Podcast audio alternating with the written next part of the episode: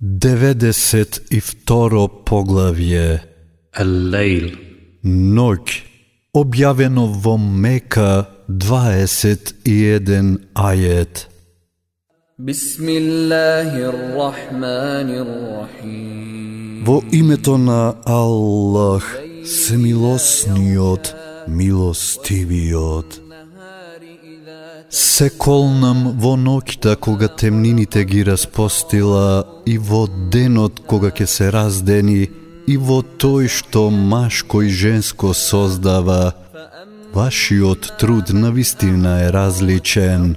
На тој што дава и што не греши, и тоа на љубавото што го смета за вистинито, не му дженнет ке му подготвиме а на тој што е скржав и се чувствува независен, и тоа на љубавото што го смета за лажно, не му джехеннемот ке му го подготвиме и имотот кога ке умре нема да му користи.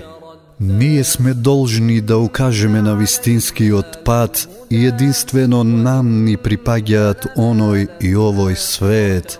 Затоа ве опоменувам со огнот распален, во кој што само несрекникот ке влезе, тој што ке негира и главата од вистината ке ја врти, а далеку од него ке биде богобојазниот, тој што од имотот свој ке дава за да се исчисти, не очекувајки со благодарност да му се возврати, туку единствено копнејќи по лицето на Господарот свој Севишен, и тој na vistina zadovoljen ke إلا ابتغاء